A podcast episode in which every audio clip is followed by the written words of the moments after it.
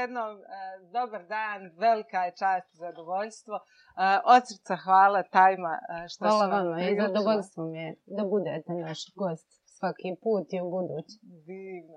Za sve vas koji možda ne znate i koji možda niste imali priliku Tajmu upoznati, Tajma Guzin je direktorica muzičkog centra Havaroti. Isto tako, ono što možda ne znate, nisam ni ja znala, Tajma je osoba koja je po vokaciji ajmo reći, opredjeljenju umjetnica, čiji citat možete vidjeti gore kad se budete penjali, onako vrlo inspirativan. isto tako neko koji je radio u profesiji, nastavničkoj profesiji godinama. Tako da sve ono što smo jutro pričali o izazovima koji nosi nastavnička profesija, Tajma zna iz prve ruke. A još jedna zanimljivost je da je Tajma također radila i u pedagoškom zavodu jedno vrijeme kao savjetnica, tako da ste imali priliku sagledati sve to nešto. E, I onda je prije nekih godinu i pol tajma počela raditi kao direktorca ovdje u e, kulturnoj ustanovi muzičkog centra Pavaroti. Meni je zaista zanimljivo sad čuti za početak prije nego što ovdje oh, dam riječ, kako to izgleda kada totalno promijenite perspektivu i sve ono što ste nekad radili, sada dobijete priliku da radite iz jednog sasvim Fantastično. I šta je to što u stvari muzički centar Pavaroti radi? Evo ja prije svega se osvrnula ovaj, na današnju temu, na naš razgovor drugačija škola.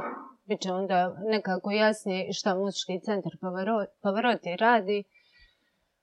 Mi smo upravo ovdje čuli, dakle imali smo priliku čuti dva sadašnja učenika, dva bivša učenika rok škole, e, oba dva ta učenika rok škole su sada predavači, od njih jedan je i e, profesor u formalnoj školi.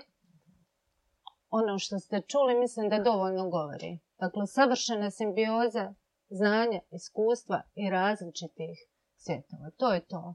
To je ono čemu sam ja težila i kao profesor i kao savjetnik u pedagoškom zavodu, to je to. To je konkretno ono što sam ja pokušavala tih 23 godine uraditi. Konkretno za katedru u učionci i u pedagoškom zavodu. Ja sam presretna da imam priliku sada biti uopšte tu gdje jeste rok škola i muzički centar Pavaroti zaista e, pored rok škole, jel tako, koju podržava. Mi smo u stvari, ja ne mogu nikako kad, e, kad o tome odvojiti rok školu i muzički centar Pavaroti. Zašto? Zato što na otvaranju muzičkog centra Pavaroti bili smo prisutni i ja kao e, nastavnik preškolskog odgoja sa dječicom iz vrtića i radila sam s djecom s posebnim potrebama, dakle s njima posebno taj jedan dio. Orhan Maslo, Atila Aksos, mi smo svi tu od početka nekako, bili smo se razišli jedan određeni niz godina i sad smo opet svi tu pričamo istu priču, nadam se još puno bolju i ljepšu jer smo mi sve mlađi i mlađi. Divno, Puni smo snage i entuzijazma. Hvala, tajma. Tema jeste drugačija škola. Moj drugi gost danas je Orhan Maslo Oha. Mislim, vi svi znate kad se kaže Oha, ko je Oha? Aloha, pored toga što je veliki prijatelj e, svima nama i poseban čovjek je također i osnivač, i direktor, i idejni tvorec Mostar Rock škole. I sad ja bih voljela, pošto imamo ovdje neke goste iz regiona koji možda čak i ne znaju, iako je to teško, e, vjerovat da možda i ne znaju za rock školu, kakva je to drugačija škola, rock škola, šta je to? Prvo, ona mi je ukrala ove riječi što je na početku. Prvo da ju optužim. Onaj, znaš šta, rok škola, da, ja sam osnivač, ali isto tako ne bi to baš moglo izaći svoje glave, onaj, e, samo po sebi, da sam bio sam. Onaj, ključ je bio u stvari okupiti tim ljudi, e, gdje smo, evo upravo spomenula ja Tilu, ovaj, sa kim sam negdje u djetinstvu e, svom, kad se otvorila ova zgrada, ovaj, baš smo ovdje provodili sate i dane, dakle, u ovoj prostoriji, eksperimentirajući, svirajući. Imali smo tu priliku. Ja se sjećam isto da je tada e, e, otvorenje Pavaroti centra u stvari zaslugu za cijelu tu ideju je imao Warchild, britanski. Ovaj, I oni su imali auto, kako smo dolazili do muzičara, hoću ukratko da kažem, ovaj, iz cijelog grada jer su punktovi još uvijek bili negdje 97. prije otvorenja zgrade, punktovi su bili poluvojni od ovih lokalni vojski i, i umprofora ili kako, kako se tada to zvalo, sfor ili nešto. A oni su imali auto Land Rovera na kojem je pisala sticker War Child. I ovi vojnici lokalni su mislili da je to neka, da je to auto neka vojna, ova Esorov auto a u stvari apsolutno ne, to je bilo da auto, ali kao War, i ja sam uzimao to auto, tek sam položio bio, položio sam e, prije nego sam mogao zakonski, jer sam bio u dječjem domu, pa su mi gledali kroz prste, pa sam vozio prije nego što sam punio 18, dali bi dozvolu. Ali sam ja išao preko punktova ovaj, skupljao muzičare, dakle, iz cijelog grada, dovodio i ovdje, onda smo radili zajedno. To je taj neki duh sa kojim je ova zgrada počela. I ovaj, Sjećam se da smo se mi samo inicijativno organizovali mi sa amaterskim znanjem i počeli da radimo sa klincima koji u stvari nisu imali nikakvog znanja. Mislim, nismo ni mi realno, ali, ali smo mogli nešto da razmijenimo. Ovaj, ja sam tu skonto da, da nekako ako se ne organizujemo sami, nećemo ništa. Prolazile su godine, ja sam se bavio eh, svojom karijerom muzičkom kao kao ovaj, muzičar, a isto vrijeme znam da sam već 2000. ili 2001. E, registrirao organizaciju koju sam namjerno napravio gdje je bila linija razgraničenja i tu sam organizirao koncerte i zvao ljude, dijelio flajere, prelazio na obe strane grada. Taj to je bio bauk, mislim, nažalost, ali je tako bilo. Ovaj, uvijek sam težio nekoj toj drugačijoj priči. Nisam se baš puno držao sistema. Evo, ja mislim da sam ja zadnji put sjedio nažalost, po moj odgoj, a možda na sreću po rezultat, 91. u klupi zadnji put, dakle, ovaj, školskoj. E, jednostavno nisam imao priliku za, službenim obrazovanjem, jednostavno je tako bilo, situacije, primitivna događanja 90-ih su me natjerali na to. E, uvijek sam nekako gledao šta je ono što, mi možemo, što ja mogu da napravim. I onda kad je, kad je došlo vrijeme zrelo za to, prepoznao sam ekipu, ovaj, dosadilo mi je stvarno turneje i ne da mi je dosadilo, bio sam umoran od toga. A stalno sam bio u kombiju u sred Njemačke, imao sam takav osjećaj, dakle u kombiju u sred Njemačke, stalno. I ne mogu nikako da obavim neke stvari koje sam započeo kao klinac ovdje. I onda sam ovaj, skupio tim ljudi, e, pitao je jesmo li za da napravimo nešto što smo mi u svom jedinstvu izgubili, u svojoj mladosti u stvari. Ono što nama nije pruženo, ajde da pokušamo se organizovati da pružimo nekom drugom.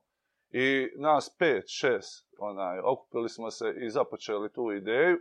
Ovaj, imali smo jedan, jedan prilično dobar uzor e, na to jer je u Kosovskoj Mitrovici započet projekat isto neki rok škole, samo da smo mi to potpuno ovaj, izvrnuli na još bolji način, ja bih rekao. I imali smo e, priliku da vidimo iz Rock Akademiju, to je prva rok Akademija registrovana u Europi koja je u Holandiji, u Tilburgu i tu su nam se otvorile neke ideje i kako ćemo pristup napraviti. Znači, u samom startu smo negdje prepoznali da ako budemo pratili standardi sistem, nažalost, dakle, nažalost, koji je, koji je ostao možda, ne znam, iz 50. ili 60. ili kada je već potpisan, meni se, meni se tako čini da je redovna škola, nažalost, i dalje da tako nekako šljaka, sa svim onim dnevnicima i svim onim nekim pravilima i teorijama. Ja sam sam išao u muzičku ovaj, školu e, u 80 dakle, četiri ili pet godina. Znam da sam tamo redovno dobio batine isto oko u ovoj normalnoj. E, to je, mislim, ne mogu da vjerujem, jel? To je bilo ono, prvo teorija, teorija, teorija, pa druže, nije utičnica, neću gurnut ruku, razumijem, znaš da će roditelj ono, odgajati dijete, nemoj staviti ruku u utičnicu, ali muzika nije utičnica, nećete povrijediti. Aj malo probaj svirat sam, jer je bilo zabranjeno da improviziraš. Bilo je zabranjeno, dakle, da ti sada ti se neka pop pjesma, ja čekam svoju učiteljicu, ja istražujem po klaviru u učionci, ona dođe, čovječe, opali milenijarom dva put po nogama. Ono, zbog čega, čovječe? Zato što sam htio da ociram nešto što sam čuo. O čemu pričam? E, e taj, neki, sva ta, ne znam, neću reći da je, bila je frustracija kad sam bio mal, ali kad smo se mi kao ti skupili, rekli smo, e, hajmo sad napraviti nešto što mi mislimo kako bi trebalo da bude. Bez obzira nevezano za sisteme, ne treba nam nikakva licenca, ne treba nam nikakav ni aplauz od strane, dakle, ne znam, oficijalnih ministarstava ili bilo čega. Hajmo mi to ponuditi, pa da vidimo kako će ići. I realno, dakle, uspostavilo se, ja sam mislio da ćemo tek rezultat neki doživjeti za deset godina, ali vjerovatno smo bili e, kao društvo gladni e, nekog ulaganja u mlade ljude i djecu, tako da ja nisam mogao, mislim, mi kao tim predavača nismo mogli da vjerujemo šta se u stvari postiglo već za godinu i pol, dvije, a onda smo prepoznali da već poslije četiri godine tu i ono dolazi gdje mi ona ukrala ovaj govor prvi, gdje sada gledamo dva predavača i dva učenika, dakle, na bini, koji funkcionišu ovaj, zajedno i uče praktično jedni druge. Mislim, mm. jako, jako neki interesantan. Obrnuli smo sistem kada dobijaš teoriju kada dobijaš praksu. Divno i mislim da se super nadovezao na ono o čemu su neki od vas jutro s panelima govorili, koliko je nekad možda potrebna ta anarhija i mm. autonomija, možda čak odsustvo sistema i odsustvo te neke institucionalne, institucionalnog formata E, ja, ako sam dobro shvatila, vi ne pripadate nekoj oficijalnoj ustanovi. Znam da je rok škola dijelom Pavaroti centra, odnosno vi ste ovdje, ali jel vi odgovarate nekom tipa ministarstvu, zavodu, nekom... Apsolutno ne i to mi je pravo drago.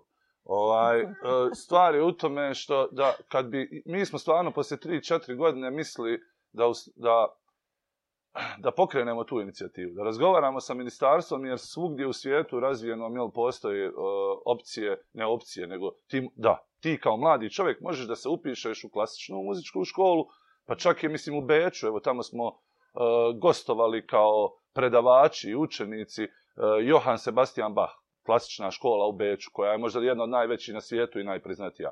Ima isto tako odjel e, koja se, koji se zove Atila, kako se zove ono gdje smo bili?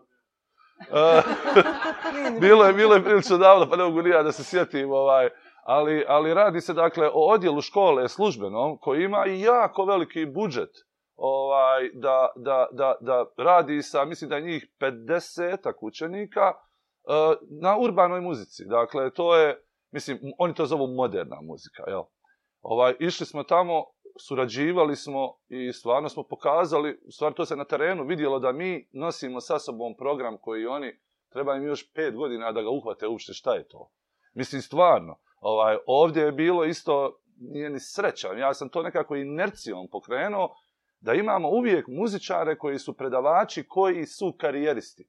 Pa i ova dva mlada čovjeka koja je tu svirala kao predavači, oni isto rade muziku, dakle, evo, nemam pojma, Ricky svira Helen Nace, e, Semin je, e, bio je Floridus band, pa je onda imao neke samostalne projekte, mislim da vozi to i danas, nismo odavno porazgovarali.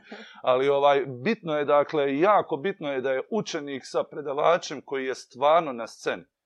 Meni je isto tako jako čudno da u klasičnim muzičkim školama kod nas, naročito prvog i drugog stupnja, imamo predavače, čovječe koji su ono, oni završili osnovnu, srednju, muzičkoj je pričamo ili glazbeno, jel? Akademija, s akademije, hop, kući i na posao. ruže kad si ti na bini bio? Jesli ti ikad, dakle, kad si svirao negdje? Ono, ne, znači, ti si majki i ocu, ono, nekad u dnevnom boravku, nemam pojma, gudio i sad predaješ, ono. Iz, nemam ja, ali izvini, ali halo, e, zar, Zar ne bi trebao biti društveno koristan isto tako? Mislim, šta je muzika, šta je kultura, šta je glazba, nego upravo to da ti, e, da, da, da ljudi koji se i ne bave sa tim u stvari dobiju svoja, pa barem dva sata sedmično, ovaj, da uđu u tu kulturu, da osjete da se opuste. Da. Ono što Ohan nije eksplicitno rekao, a ja ću da naglasim, kad je pričao o njegovim turnejama, možda neki od vas i to ne znaju, Ohan bio dugogodišnji član benda e, Dubioza Kolektiv, e, jednog od najuspješnijih bendova na Balkanu iz Bosne i Hercegovine. I mislim, to iskustvo, praktično iskustvo o kojem ti pričaš nije samo površnog tipa, nego baš onako iz dubine duše. Vratit ću se s pitanjem od to da napustiš tu mm. vrstu adrenalina i da se vratiš ovako nešto, a voljela bi tajmu pitati šta se još dešava u Pavaroti centru i kakve su to vrijednosti koje vi ovdje zagovarate? Sada ovo ovako ono, ono, zvuči kao baš zvanično predstavljanje muzičkog centra Pavaroti na nekoj sjednici. Ovaj. a nije, a nije. A realno nije. E, vrijednosti muzičkog centra Pavaroti su iste kao i onog prvog momenta kad se otvorila vrata ovog centra. Dakle, da pružimo zajednici, da ta zajednica se ne osjeća kao neko sa strane, nego da smo mi otvoreni, da je ta zajednica dio nas i mi dio njih. Da ih pružimo mogućnost da imaju nekakvo obrazovanje o umjetnosti i u umjetnosti, da mogu biti konzumenti ili različitih kulturnih sadržaja, da mogu, to, to su nekakve zvanične, jel, kad ih pišemo onako, to svugdje napišemo, ali ono što je bitno jeste da, da mi zaista želimo da postignemo nekakvu atmosferu e, gdje ćemo stvoriti ne samo kulturnu scenu, urbanu kulturnu scenu, već i jedan dio jednu zgradu, jedan dio grada ovakvo kakav jeste, nažalost, u kojem će se svi osjećati kad uđu na ona vrata dobro došlo, bez obzira ko su, šta su, odakle su, gdje su pošli. Znači, svi naši projekti imaju to za cilj. Mi trenutno radimo muški centar Pavaroti, radi jedan eksperimentalni dio i već smo eh, krenuli s tim neki kratki muški film. Dakle, mi sve radimo trenutno rebranding. Znači sve ono što je bilo, a jako je dobro bilo, jako je dobro zamišljeno, mi sad želimo to da rebrandiramo, da krenemo još bolje u sve to. I šta je tu još, osim spomenula si video, e, tu je muzika, jel postoji još neki sadržaj? E, što se tiče e, trenutno, dakle ja sam došla u Pavaroti prije godinu i pol, zatekla sam plesnu školu, školu gitare, ovaj, nešto sada konkretno nije bilo, osim e, imamo, e, dakle, muzički centar Pavroti, ja se izvinjavam kolegi Militir, gitarijadu, koja je, dakle, festival koji je već dugo godina ovaj, živ i uspješan. Isto tako, Blues Festival je krenuo iz Mučkog centra Pavaroti, saradnje sa ovim udruženjem koje sad vodi taj Blues Festival. Isto tako poznat festival. Znači, to sve nekakve aktivnosti, e, nema ništa konkretno osim te plesne škole koja je ono konkretno škola. Međutim, imamo planove, imamo e, Muzički centar Pavaroti je imao školu stripa. E, korona, sve ovo što se desilo, COVID, epidemiološke mjere, zatvaranje, ograničavanje broja ljudi, mjesta, prostora, kvadrata, svo to ludilo, nas je malo zaustavilo i mislim da je dobro što nas je zaustavilo zato što smo imali vremena da promislimo i da prepoznamo neke stvari koje su možda bile tu oko nas, a nismo ih u onoj brzini uspjeli ovaj, prepoznati. I mislim da sad znamo gdje idemo. Divno. Baš jutros je Ivana, čini mi se, spominjala da je dobro zastati i imati par sedmica ili par mjeseci, evo kako nas je to epidemiološka situacija primorala da mhm. sjednemo da pitamo kako smo, kako se osjećamo, šta radimo, kuda idemo i sve to. A kako je utjecala pandemija na rad škole? Pa šta, prvo smo se pravo, prvo smo htjeli da budemo najpametniji mogući, pa smo onda zaustavili nastavu prije, onaj dan prije oficijalna je nastava stala u školama, namirisali smo to i onda smo dobili aplauz zbog toga, a ja sam umalo zaplakao. Onaj, onda smo se zbunili. Ja nisam prepo pandemije kao bolesti, nisam primijetio da se neko od nas puno toga prepo nego smo se nekako zbunili, nismo znali šta se događa. Ja mislim da sigurno 10-15 prvih dana ja uopšte nisam znao šta da uradim. Kao stali smo i šta sad? Šta sada? E, tu na sreću dolaze ove nove generacije, čovječe. Oni ubiše ovo online ove online platforme. Oni su skontali, dakle, da mi možemo to prebaciti na online. A mi smo skontali ovaj, da možemo opremu da podijeli vođacima, jer imamo 4 pet prostorija opreme. I sve smo to dali na revers, dezinficirali i dali na revers ljudi su to odnijeli po kućama.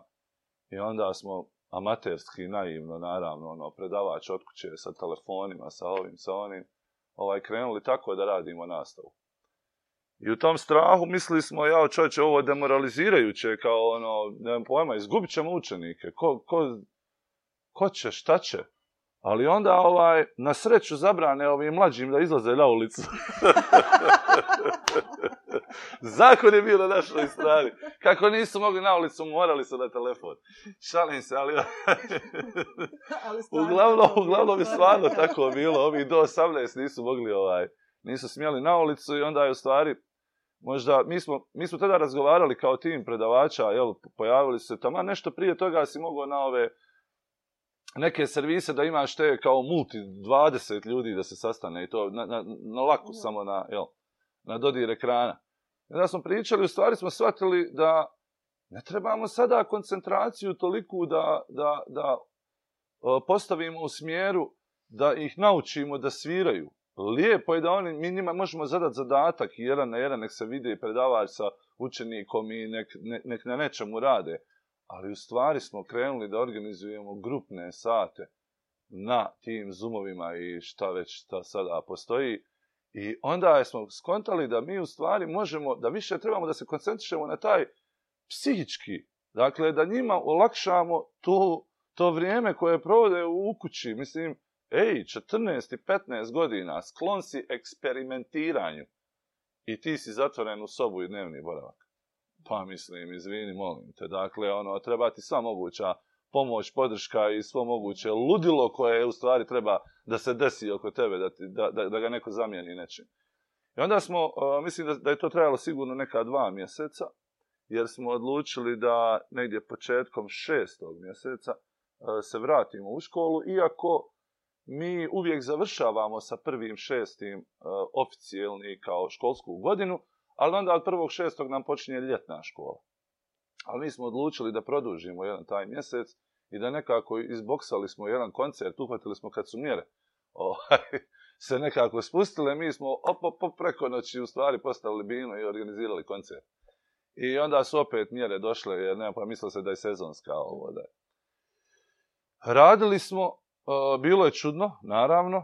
Ono što je dobra stvar je što, su, što je, ljudi su prepoznali kao, ma smo mi dosta upita sa strane, iz drugih gradova, sa Balkana, kao možemo li prisustovati tamo, vamo, znaš, ali niste u Mostaru, ne možemo, morate doći ovdje. Neki su uspjeli da malo e, svoje roditelje obrlate, e, da ih upišu ovdje na neke univerzitete i sveučilišta, u stvari oni dolaze u rok školu, e. ali tu studiraju kao ovdje, mama, u Mostaru je to. Dakle, to što ja trebam studirati, to je dole. A onda razumiješ, ono, mislim, studiraju oni vjerovatno, zato što kod nas je malo malo je i pravilo da, ovaj, da, da ne možeš biti loš u školi. Ako popustiš u školi, roditelj, što, kod maloljetnih, dakle, samo nam javi i mi dajemo isto tako. Dakle, ide na čekanje dok ne popravi ocjene, ako je to baš neka katastrofa, jel? Mislim, provjerimo, ako je neki roditelj stvarno onako smetaju četvorke, onda druže, onda, onda bi volio ja da razgovaram s tim roditeljem. Znaš, ono, ali ako je ono, ako je baš popustilo dijete u školi, onda stavimo ga na pauzu. Ovaj, tako da imamo tih, ali ovi su bili koji nisu mogli dolaziti u Mostar.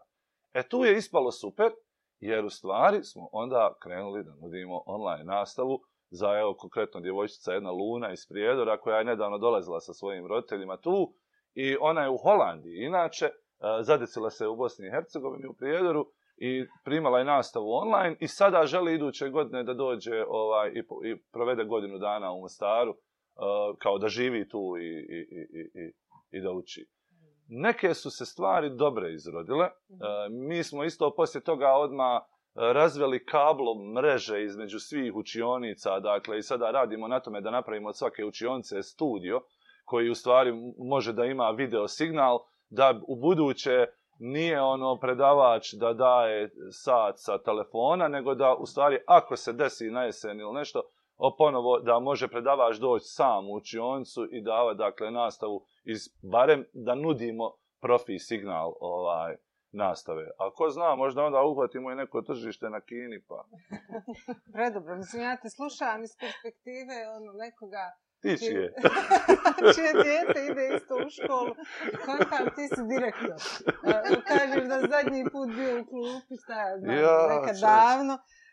I slušam kako, pričaš o djeci, koliko ti je stalo. Ja znam iz nekih naših priča koliko ti znaš o svakom djetetu. Onda ovo partnerstvo s roditeljima, jutro smo čuli koliko je to važno iz drugih nekih perspektiva, ali ovo o čem ti pričaš, dakle, e, ta koordinacija s roditeljima, jel dobro ide u školu, da li je ona dovoljno dobra da dođe pa da provede vrijeme s vama. Mislim, to je to što želimo da vidimo i u drugim školama. E, znači, rok škola je realno alat. Alat za pravljenje ono, boljeg društva. Barem, mi to želimo. Ono, možda i nismo dobri, nemam pojma. Znaš, ono, ali, ali realno... Pa, ne znam, mi registri, oformimo 70 bendova u toku godine. Oni su sa rokom trajanja. To su, mi miješamo stalno ljude, dakle, da se oni upoznaju ti imaš, nemam pojma, 10, 9, eto 8 nam je najdonja granica, jel, to nam je jedna rekla kad je došla neko, mi smo primali od 6 godina, pa onda nismo skontali, jer smo htjeli svakome da damo priliku. Onda došao stručnjak čovječ, rekao nam, alo, e, 8 godina je donja granica. Onda smo to usvojili. Ali, ovaj, ali nismo popustili kod penzionera, imamo i sada nekih penzionera koji dolaze ispunjavati dječačke snove. Bio je neko na saksofonu, imao je 63 godine ili ovako nešto.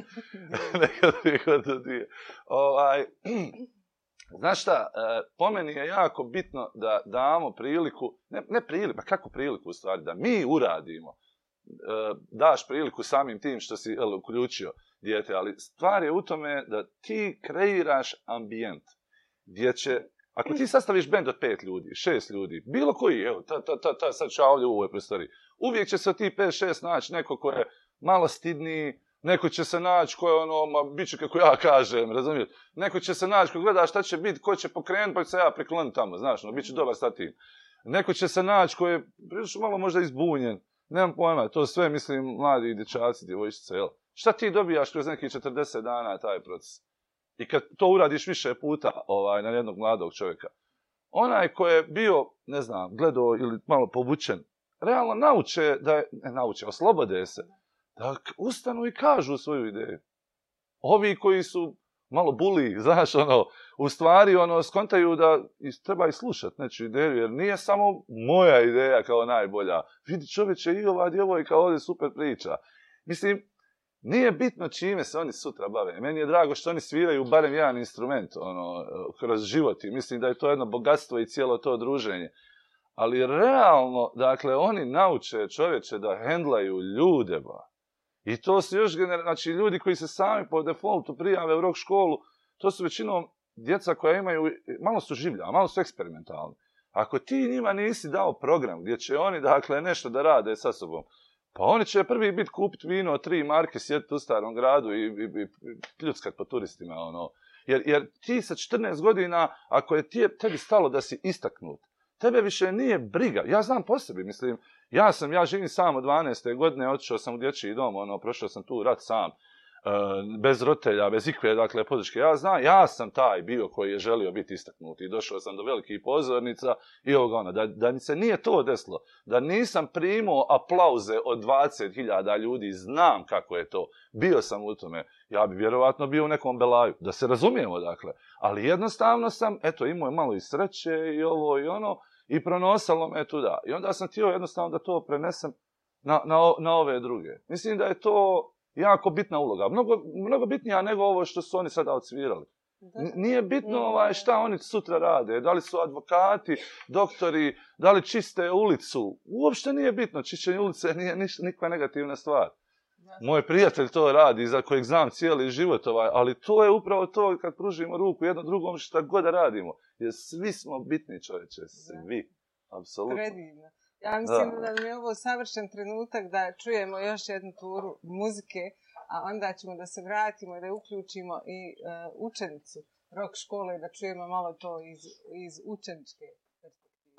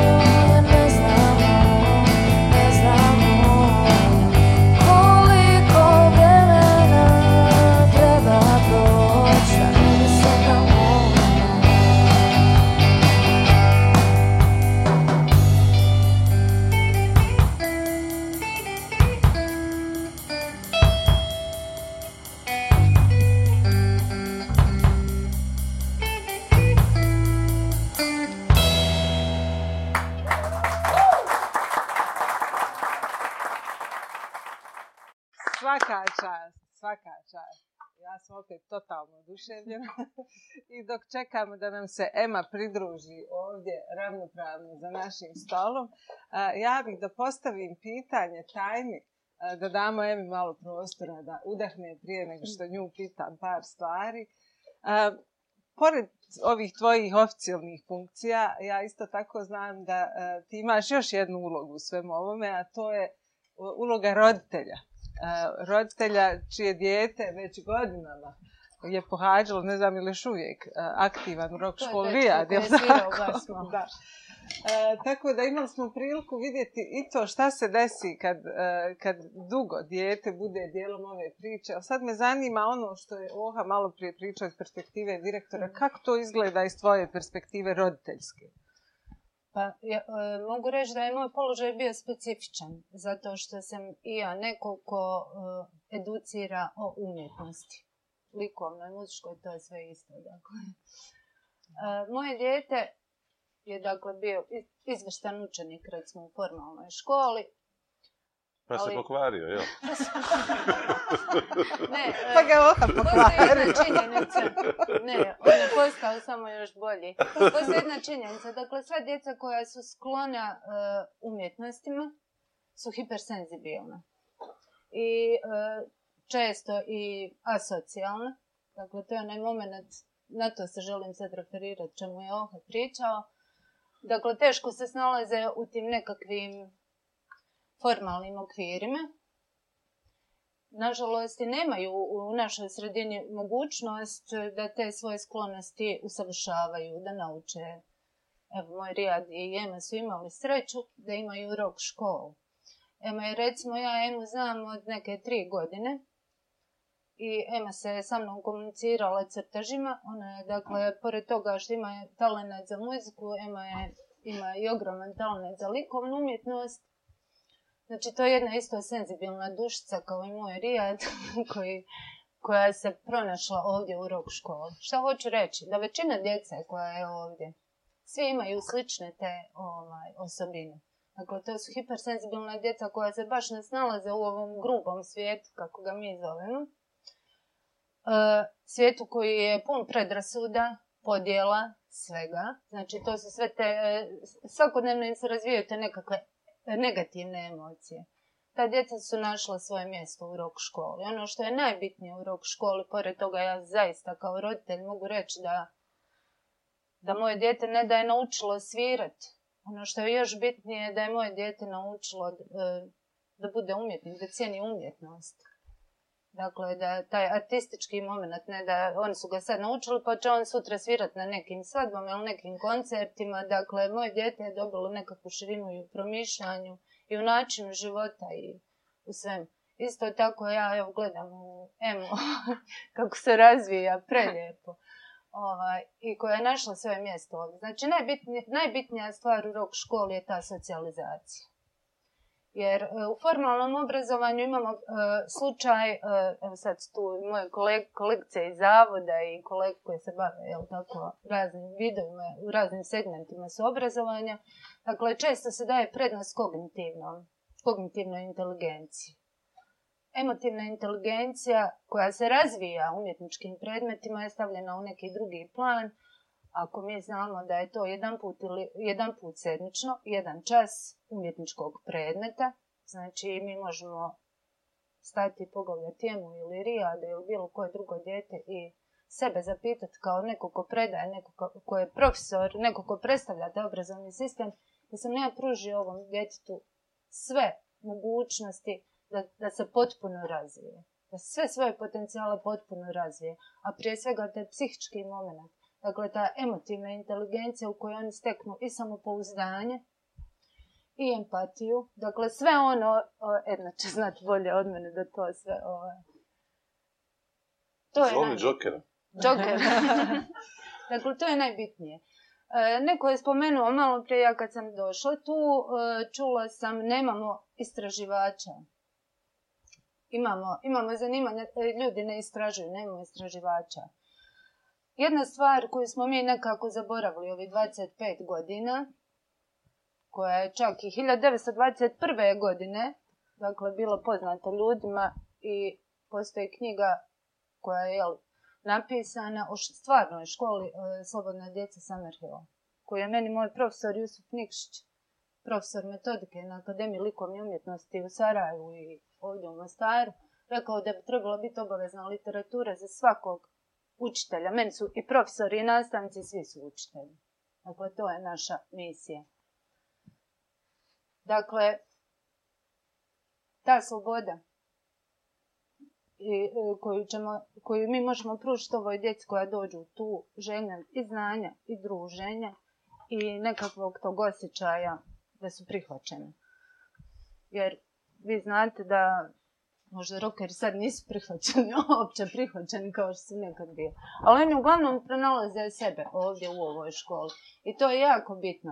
E, da, e, malo sam odšla, dakle, istraživač, nemo istraživač. Kako se razvijaju te sposobnosti i kompetencije kod djece? Znači, mi pričamo, izmišljamo, imamo različite projekte, radi se STEM, ovo ono, kako da za, za ove predmete, matematika, fizika, kako naučimo, da naučimo djecu da kreativno razmišljaju, izmišljamo nove metode nastavne i tako dalje.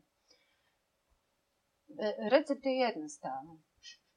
Znači, sasvim jednostavan. Ono što se, kako se poučava umjetnost od kako je od postanka svijeta, dakle, poučavamo umjetnost u smislu e, da istražujemo, da promišljamo, ja ću istraživati, promišljati o slici, on, o muzici, o, tom konkretnom djelu, slušat će, uporađivat zvuku. Znači, taj istraživački dio, gdje se razvija to divergentno, kreativno razmišljanje, to je ključ. Mi ćemo sutra, mislim, od 180 polaznika rok škole, kod kojih smo razvili i socijalne kompetencije, i emocionalnu inteligenciju, divergentno kreativno razmišljanje, imati izvrsne arhitekte, matematičare, inženjere, ne znam, dakle, sve, jer savremeni svijet zahtjeva, eh, zahtjeva kreativnost. Kod bilo kojeg zanimanja, vi možete završiti pravni fakultet, položiti advokatski ispit i biti jako loš advokat. Zašto? zato što niste kreativni i nemate sposobnost da kreativno razmišljate. Mislim, ja kao roditelj, jako mi je drago što je moje dijete dio ove priče, mogu reći da je to najveća, da će to biti najveća zasluga rok škole. Divno, divno. Hvala Tajman. Oh. Prelijepo. je ovo. Ma hajte, molim vas. Ništa, to je bez Sigurno ste se dogovorili u unaprijed. Ma šta je? To kaže, nema veze. Sašit, kad ja krenem hvala sve što? e, nećete da dati priliku. Ja sam hoću da vidim šta meni Ema ima reći. Ema Hazmadarević, čuli ste, uh, umjetnica uh, bubnjarka, učenica rok škole i uskoro učenica devetog razreda osnovne škole. Hvala ti što si odlučila da nam se pridružiš. Mene jako zanima šta je to, kako iz tvoje perspektive izgleda rok škola, zašto ti ideš tamo i koja je razlika između obične škole i rok škole iz tvoje perspektive? Pa rok škola je meni kao drugi dom, zato jer ovdje provodim jako puno vremena i ovdje sam u stvari upoznala većinu svojih prijatelja i kada sam došla na početku, bila sam jako mala i mislila sam da će ovo biti prestrašno. Da, stvarno. mislila sam to, ono, prolazila sam i kontam, jao što sam se ovdje upisala, ono, ne znam, bilo mi je jako čudno. Ali s vremenom sam se više oslobodila i poznala sam prijatelje koji su me naučili jako puno stvari koje možda ne bi naučila u, kao formalnoj školi. I sviramo i družimo se i to mi je najdraži dio ove škole. Nemamo ocjena i većinom nemam učenja i volim doći parati poslije škole, nekako da se odmorim. Ono, nikad mi nije bilo mrsko, ono, a ko će sada svirat, ono, uvijek volim onda doći sam.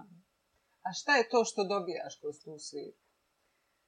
Pa, učim jako mnogo stvari, ne samo sviranju, bubnju, gitari, nego družimo se i pričamo se i kroz tu priču mogu jako puno naučiti. Zato jer e, mislim da ovdje su ljudi jako slični meni i je mojoj nekoj osobnosti. Tako da ono, mogu se s njima puno pričati. super, super, terminal. Sam da vidim, ne vidim, ne vidim, ne Aha, tu si. A, kakvi smo s vremenom? Dobro. da znam u, kom okvir Dobro. zanima me, e, oha, opet tebi vraćam e, Ti si sigurno imao neke uzore i neke razloge zašto si uopšte odlučio da napustiš uspješnu muzičku karijeru i da uđeš u nešto ovako. E, ja znam nekad davno kad smo mi pričali, govorili smo od desetak učenika, pa je onda to naraslo na sedamdesetak, pa onda na stotinu i danas, danas saznah da, je, da smo dogurali do 200. Zatim, ogromna je to stvar, ogromna. To je 200 odjednom, a koliko je do sad djece i mladih prošlo, mislim, to je ogromno. Pa preko hiljadu, ovaj, preko hiljadu, mislim da je negdje statistika 1100 ili 1200, ovako.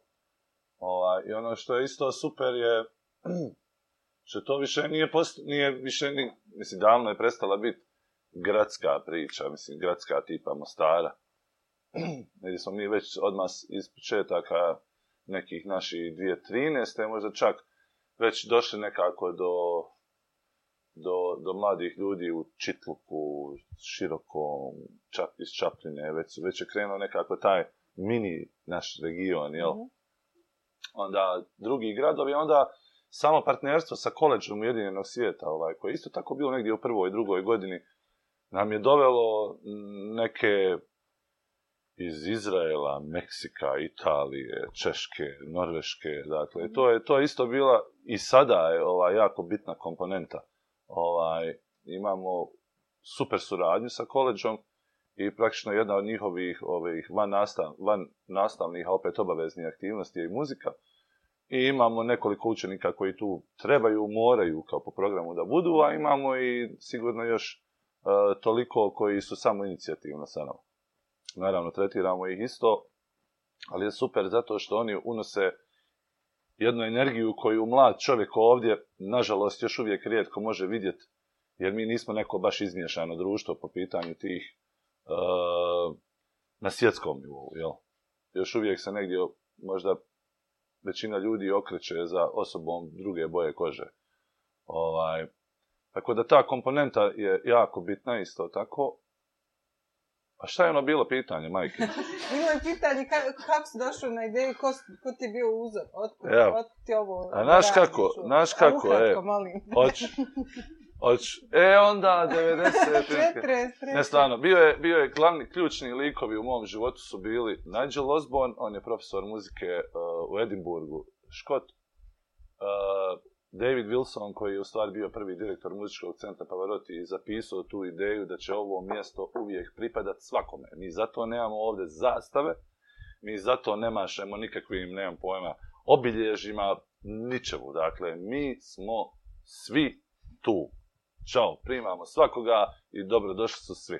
To je ta ideja na kojoj je bazirano i ja kao muzičar, praktično kao perkusionista, bubnjar, Eugene Skiff, južnoafrikanac, koji je radio konkretno sa mnom jako dugo. Ovaj, to su neki moji tri osnovna uzora. Kao mlad čovjek slušao sam muziku stvarno uvijek ono što je meni dobro, nikad nisam onaj, baš kao mlad, možda sam bio punker, ono, izrazito, ali onda ovaj, kasnije sam ono prepoznao da je, da je svašta nešto ima dobroga i tako sam konzumirao. E, ono što mi je bilo interesantno, vidiš, nisam upratio tajma, dugo se znamo da si ti radila sa djecom sa posebnim potrebama. To je meni, ja sam četiri godine radio u Pazariću i Fojnici i ovdje sa djecom sa posebnim potrebama. E, to me, mislim da mi je to osnovna stvar u životu koja me je naučila kako da držim loptu uvijek dole jer inače moj duh je takav, ja bi definitivno krenuo da konzumiram ono previše zabave. Mislim, ne kažem da nisam, ali, ali ova, jednostavno, znaš, no, mislim da bih htio puno više i da ne bi mogao kontrolisati u stvari svoj neki mhm. karakter, poznajući samog sebe, ali te godine rada sa ljudima sa takvim problemima me jednostavno izdefinisalo ovaj, da, da mislim da dobro znam gdje sam ono, e, e, i dan danas nekako me drži ovaj, poučenog na nekoj normali. Barem ja to smatram, tako i mislim. Mislim da bi svaki čovjek u stvari trebao, meni je pravo žao što obično te škole sa djecom sa posebnim potrebama su smještene van grada, na nekim rubovima, dakle, ja bi to stavio u centar čovječe, dakle, ja mislim da trebamo radionice s tim radima, ljudima raditi, djecom, mladima, u parkovima, e, mi moramo dolaziti čovječe u doticaj s tim ljudima, oni su dio nas, ono, meni ja sam, na sistem zbog toga, ono, baš, baš jesam. Ovaj, tako da mislim sve to nekako zajedno su ti moji temelji, ajmo reći. A isto ga je niklo, nemam pojma, ja sam stvarno u muzici od nekog samog svoje sedme godine. Mislim da me ona izvukla i ratnih trauma. Ovaj, tako da, ja nemam šta drugo raditi, ja ću, ja, ja ću uvijek raditi ovo.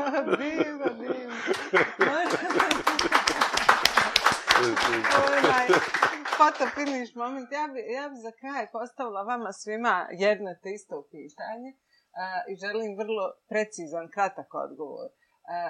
tri stvari koje biste vi, svako od vas, preporučio školi, školskom sistemu u Bosni i Hercegovini da bi bio bolji. To može biti poruka nastavnicima, direktorima, ministricama, kome god vi želite, ali tri stvari koje smatrate da treba da se desi da bi škola u BiH bila bolja? Mogu ja više tri. Ne može. nisam, nisam demokratski raspoložena. Tri. Može tako prva, pa ova, a onda ajmo da da malo više prostora. Pa ja moram sad da razmislim koje ću. Da Aha. Tri Haj dobro, može, može četiri. E, ja malo prije ono što sam govorila i evo nekako se ovo sad vezano za ovu inkluziju i za djecu s posebnim potrebama, želim samo reći da smo svi mi s posebnim potrebama. Imamo djecu s poteškoćama u razvoju, a svi smo mi s posebnim potrebama. Svi smo različiti. A taj sistem ne funkcioniše ovaj, kako treba. Dakle, prva poruka formalnim školama je vezana upravo za inkluziju i za djecu sa poteškoćama u razvoju ili kako i već Stalno, stalno se mi ovaj, razmišljamo šta je to korektno da se kaže. Jesu li djeca s posebnim potrebama pa vam na jednom sastanku na konferenciji kažu djeca s posebnim potrebama pa na drugo znaš što više nisu djeca s posebnim potrebama, to je djeca s poteškoćama u razvoju. Dok se mi prepiramo i razmišljamo šta je korektno, na dijelu se ništa ne radi. Inkluzija u osnovnim i srednjim školama. Ja samo želim poručiti ministarstvima, Agenciji za predškolsko osnovno i srednje obrazovanje. Mi smo, ja sam bila dio tima koji je radio na zajedničkoj jezgri nastavnih planova i programa. Opet smo mi tu negdje, možda opet zaboravili tu djecu sa tim nekim potrebama posebnim. E, preporučila bi isto tako ministarstvima i nastavničkim fakultetima da obrazuju svoje profesore i nastavnike za rad s djecom s poteškoćama u razvoju – jer u formalnim školama imate nastavnike koji niti imaju empatiju, niti imaju razvijene e, sposobnosti i kompetencije da rade s takvom djecom. Mi sutra nemamo dijete koje, e, koje je bilo u procesu inkluzije, nego imamo dijete sa još većim poteškoćama, kao što su emotivne i tako dalje. Znači, to je moja prva i meni ovaj, lično najbitnija poruka. Druga poruka je isto tako upućena svim nivoima obrazovne vlasti. Dakle, ako mi zaboravimo ako zaboravimo edukovati o umjetnosti i kulturi, mi ćemo sutra imati ljude koji neće moći ni estetski, ni etički prosuđivati. Mi konstantno pričamo kako nam je, kako nam je poremećen sistem vrijednosti, moralnih, estetskih, etičkih i svi ostali. Ali upravo e, ovakav vid obrazovanja gdje se, e, to obrazovanje u umjetnosti, gdje se ta emocionalna inteligencija kod djece ne razvija, jer ako djetetu kažete da prosudi o nečemu, ono to samo uradi onako racionalno, vi nećete dobiti pravu moralnu prosudbu jer nema tog emotivnog udjela, emotivne inteligencije a ona se razvija umjetničkim predmetom. Isto je. Drugo, bitno, u stvari meni opet najbitnije. I ja bi sad imala 30 i najbitnijih. Imaš još jednu. Još jedno. moram se, još e, malo prije bio komentar na hodniku od djece koje su svirali, to su učenici srednjih i osnovnih škola. Pa dobro, kaže, zašto oni pričaju ovdje o obrazovanju, Zašto nas nisu pozvali, zašto mi ništa nismo imali priliku da kažem. Pa jel mislite da bi vi mogli? Naravno da bi. Znači mi smo konkretni ti da to nekako da opet inkluziju napravimo, tu vrstu inkluzije, da, da počnemo ovaj, slušati i studente na fakultetima i učenike ovaj, u školama i onu dječicu vrtiću. Divno, upravo si sažela nekako odjutros čitav trend, sve o čemu smo pričali, e, nekako vratila se e, na dosta toga što jesmo pokrili. Oha, tvoje tri ključne. Moje tri ključne. Prvo sam mislio reći reforma, reforma i reforma. ali, onaj, to ali to je široko, znaš, pa nije široko je, pa nije, nije korektno. prvo, politika i religija da ne kažem pogotovo, ovo drugo, ne može birat čoveče direktore škola i nastavnike, ali o čemu pričamo mi ovdje? Znači, kod nas je potpuno normalno da ti političari biraju, stranka bira direktora. What Dakle, ne može tako. Nije politika, to ne, dakle, to ne može biti. Dakle, mora nekako, moraju roditelji, e, učenici, nastavnici, moraju imati utjecaj. Dakle, za politiku su postalo nastavničko to, vijeće, možda, možda sad postoji nešto što se zove nastavničko vijeće, ja smatram to učiteljima u školama i tim. Čovječe, ovaj, e, kako se zovu, birači, bila. To, to je krenulo, dakle, ovi zapošljavaju ove i onda glasaju na kraju za njih. Znači, nije to čovječe, bila, biračko tijelo, ba, halo, mislim, ne možemo tako razmišljati. Zato smo i došli do ovdje, mislim, ono, obrazovanje nas je stuklo, stuklo. Ovaj, stvar broj dva, eto, to je bilo jedan, dakle, to ne može biti. Ne može, jednostavno mora to raditi struka Sad broj dva, ne mogu stvarno raditi učitelji, dakle, koji misle da je sistem 79. je bio najbolji i danas ćemo ga tako uvoziti. alo e, stvari napreduju, tehnologija napreduje, dakle, onda hajmo uzeti motke, koplja i hajmo se vratiti u eru, nemam pojma koju, i svi ronimo, fatamo jednu ribu i nemam pojma, mislim, hajmo onda tako onda ne znam, ono, ja mu pećinama živiti i to jer to tada, tada neko mislio da je to najbolje. Ovaj, I treća stvar, treće, dakle, ako ne budemo pitali one, one naše korisnike, šta treba da bude, ako, im ne, ako od njih ne napravimo, dakle, pa da malo imaju više tih anketa, da, da glasaju, da se prvo oni trebali da se nauče da glasaju, majke mi moje, dakle, da izlaze na glasove, a ne da šta se danas dešava na glasanjima, mislim ovim državnim, nemam pojma ovim onim, čovječe, pismen, pa-, pardon, nepismen, ubije pismenog olovkom i papirom. Halo čovječe, bola. Evo gdje smo mi došli, dakle. Ovaj što je pismen, što je završava fakultet, crta, da izvine, zna šta, na listiću, Razumiješ i to je kao pošalje poruku. Kome si druže poslao poruku? Onom što broji listiće, bo. Znaš dokle je stigao taj listić? dokle. Mislim, kontaš, a ovaj tamo u stroju izađu svi ovi što su dobili i oni određuju četiri godine onda sudbine. Ako mi klinice naučimo da biraju svog nekog ko je za razred glavni ili razrednika na kraju krajeva ili nešto, da imaju neko pravo glasa, onda će oni skontat da se mogu za početak dogovarati onda će se oni sami organizovati, jer će osjetiti da mogu da nešto mijenjaju. Mi smo čovječe nije stavili u poziciju da ono, znaš, haj tamo, idu tamo, haj vamo, idu vamo, šta vola zbog čega, zašto, daj mi objasni.